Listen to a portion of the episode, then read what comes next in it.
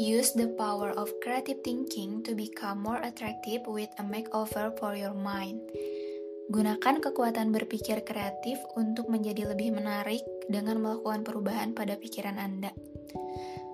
Uh, Oke, halo teman-teman. Kembali lagi di podcast Kubuka Buku bareng aku Amel. Kali ini kita bakal membahas salah satu buku yang tadi kutipannya sempat uh, dibacain di awal yaitu judulnya How to Have a Beautiful Mind karya Edward de Bono. Nah, sekilas tentang Edward de Bono, uh, siapa sih dia?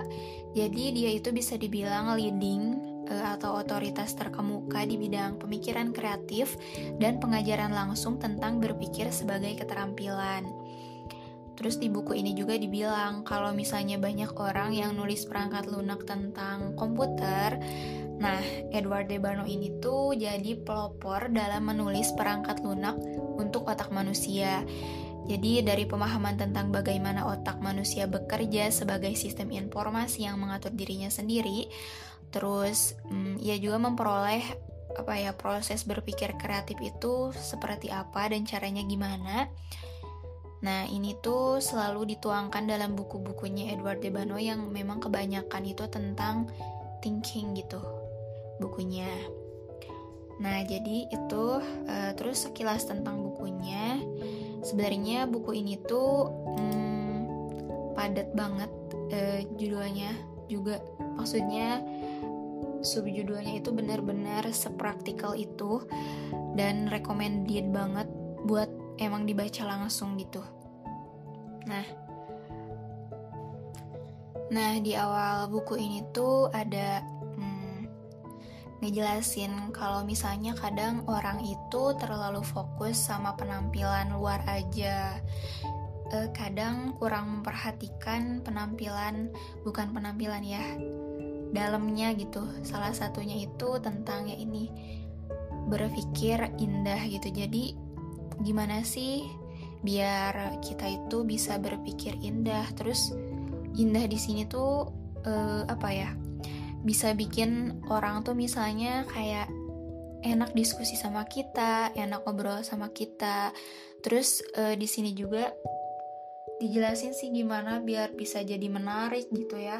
Kalau misalnya uh, walaupun misalnya kita tuh orangnya dari segi penampilan ya eh, biasa-biasa aja tapi kayak orang tuh tertarik buat ya itu tadi diskusi ngobrol dan betah aja gitu kalau uh, apa ya ya ngobrol-ngobrol sama kita atau diskusi kayak gitu ada tiga poin penting yang jadi highlight uh, gimana sih cara kita biar bisa punya uh, pikiran cantik gitu ya jadi uh, di sini tuh dibilang tiga hal itu tuh kreativitas, imajinasi dan empati.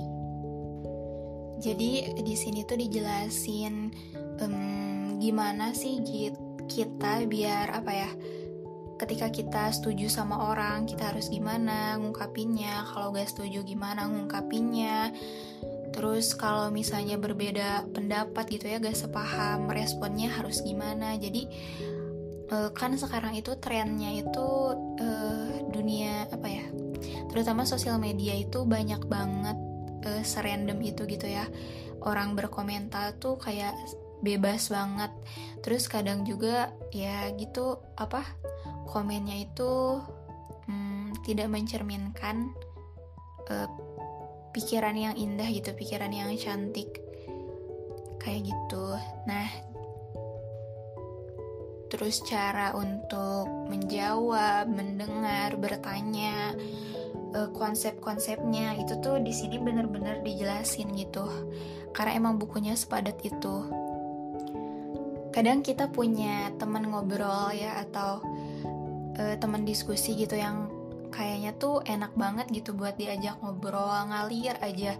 Walaupun kadang kita gak sependapat sama dia, tapi uh, entah kenapa ngobrol atau diskusi sama dia tuh bikin kita tuh enjoy dan uh, kayaknya tuh terus apa ya menarik aja gitu obrolannya walaupun ada ya uh, berbeda misalnya pandangan atau hal lain tapi itu tuh jadi tempat kita buat berbagi itu gitu bertukar pendapat dan lain halnya kayak gitu. Nah ternyata setelah dilihat ya kalau di buku ini tuh emang uh, dia itu berarti apa ya disimpulin tuh punya secara tidak langsung dan tanpa teman aku sadari gitu dia tuh punya a beautiful mind gitu jadi punya pemikiran yang cantik punya pemikiran yang indah yang ketika kita ngobrol sama dia tuh ya bawaannya enak aja gitu ngalir aja Nah, salah satu bahasan di buku ini tuh kan tentang how to agree. Jadi, eh,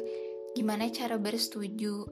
Hmm, dibilangin kalau misalnya beda pendapat itu ya sah-sah aja.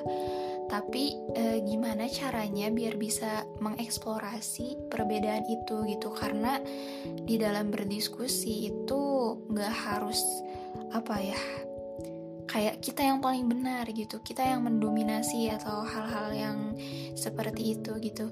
Terus nggak cuman misalnya oke okay, aku setuju atau setuju ya atau cuman plus one duain tigain.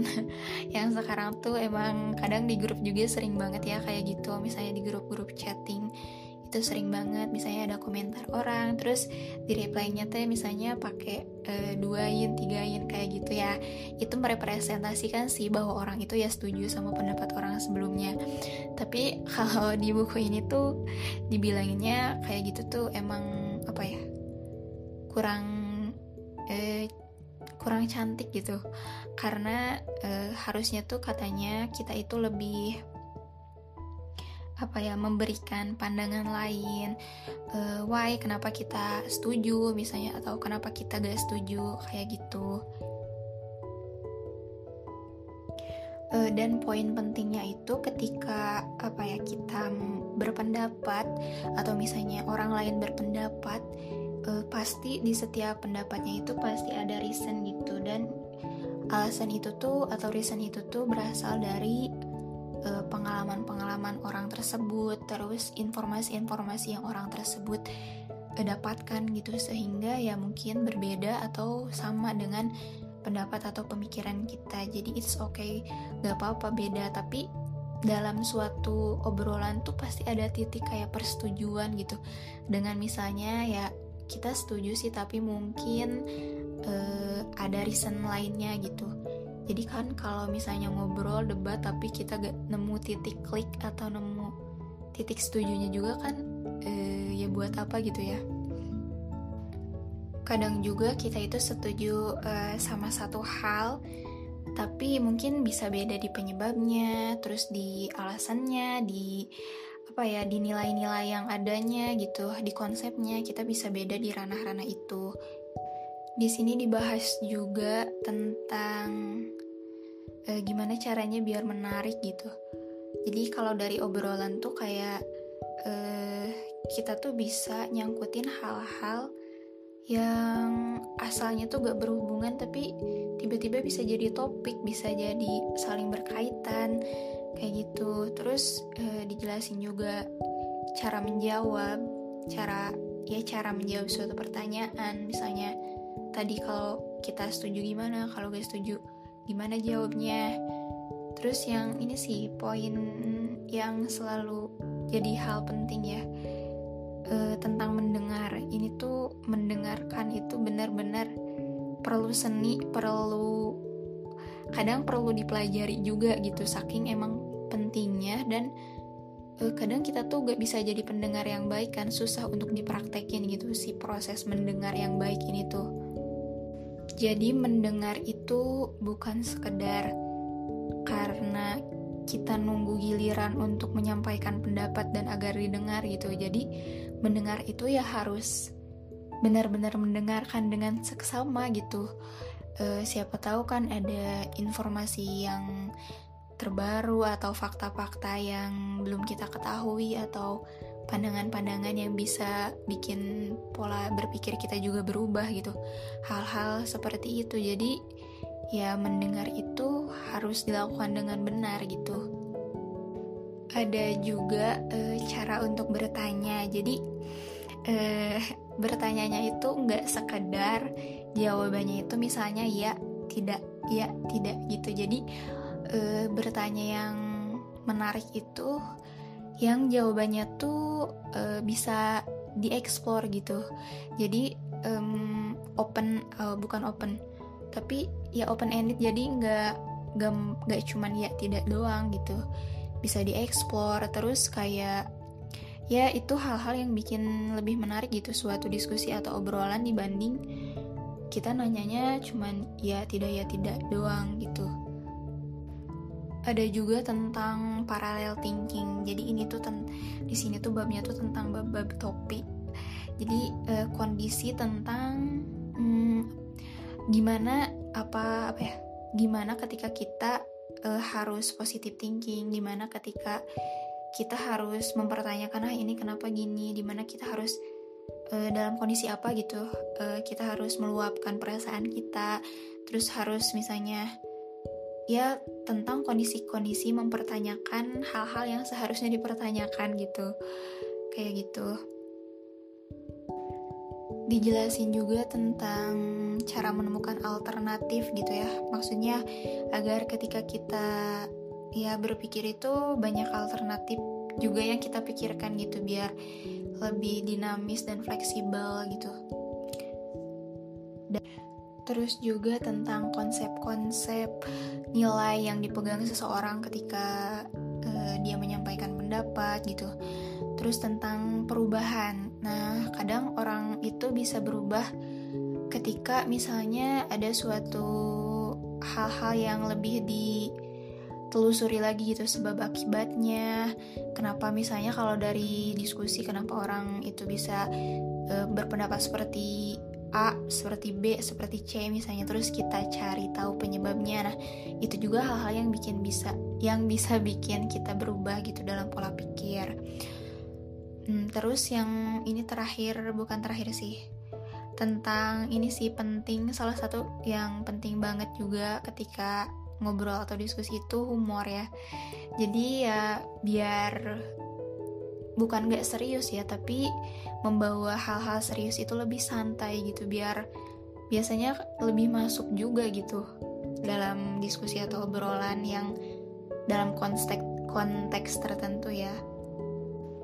Uh, terus misal kalau orang yang diskusi sama kita itu lebih punya banyak informasi gitu itu tuh jadi kesempatan banget buat kita banyak nanya gitu bertanya lebih explore lebih. Karena dalam suatu diskusi itu kan nggak harus apa ya misalnya kita yang selalu apa ya yang selalu lebih dominan itu enggak gitu. Dan dari semuanya sebenarnya ini tuh susah untuk di review ya bukunya karena emang sepadat itu dan praktikal sebenarnya. Jadi recommended banget buat dibaca.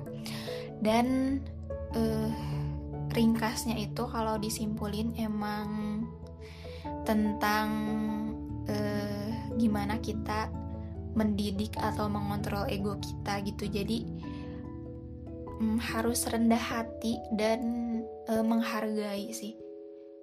Jadi dalam diskusi terus dalam obrolan gitu ya kita itu tetap bisa e, memposisikan diri kita itu sesuai porsinya gitu. Tetap rendah hati dan menghargai orang lain itu sih poin penting yang jadi e, highlight gitu ya di buku ini. Itu. Dan tidak hanya tentang menghargai orang lain atau partner diskusi kita tapi juga yang lebih utamanya itu ya menghargai diri kita sendiri gitu tentang misalnya ide-ide yang kita punya atau uh, apa ya pemikiran-pemikiran yang kita punya itu juga perlu untuk dihargai gitu.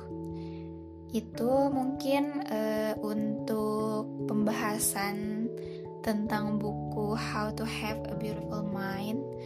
Uh, semoga bermanfaat dan menjadikan kita sama-sama belajar sih sebenarnya poin utamanya untuk bisa menghargai, dan selalu rendah hati. Sampai ketemu lagi di eh, episode-episode selanjutnya. See you.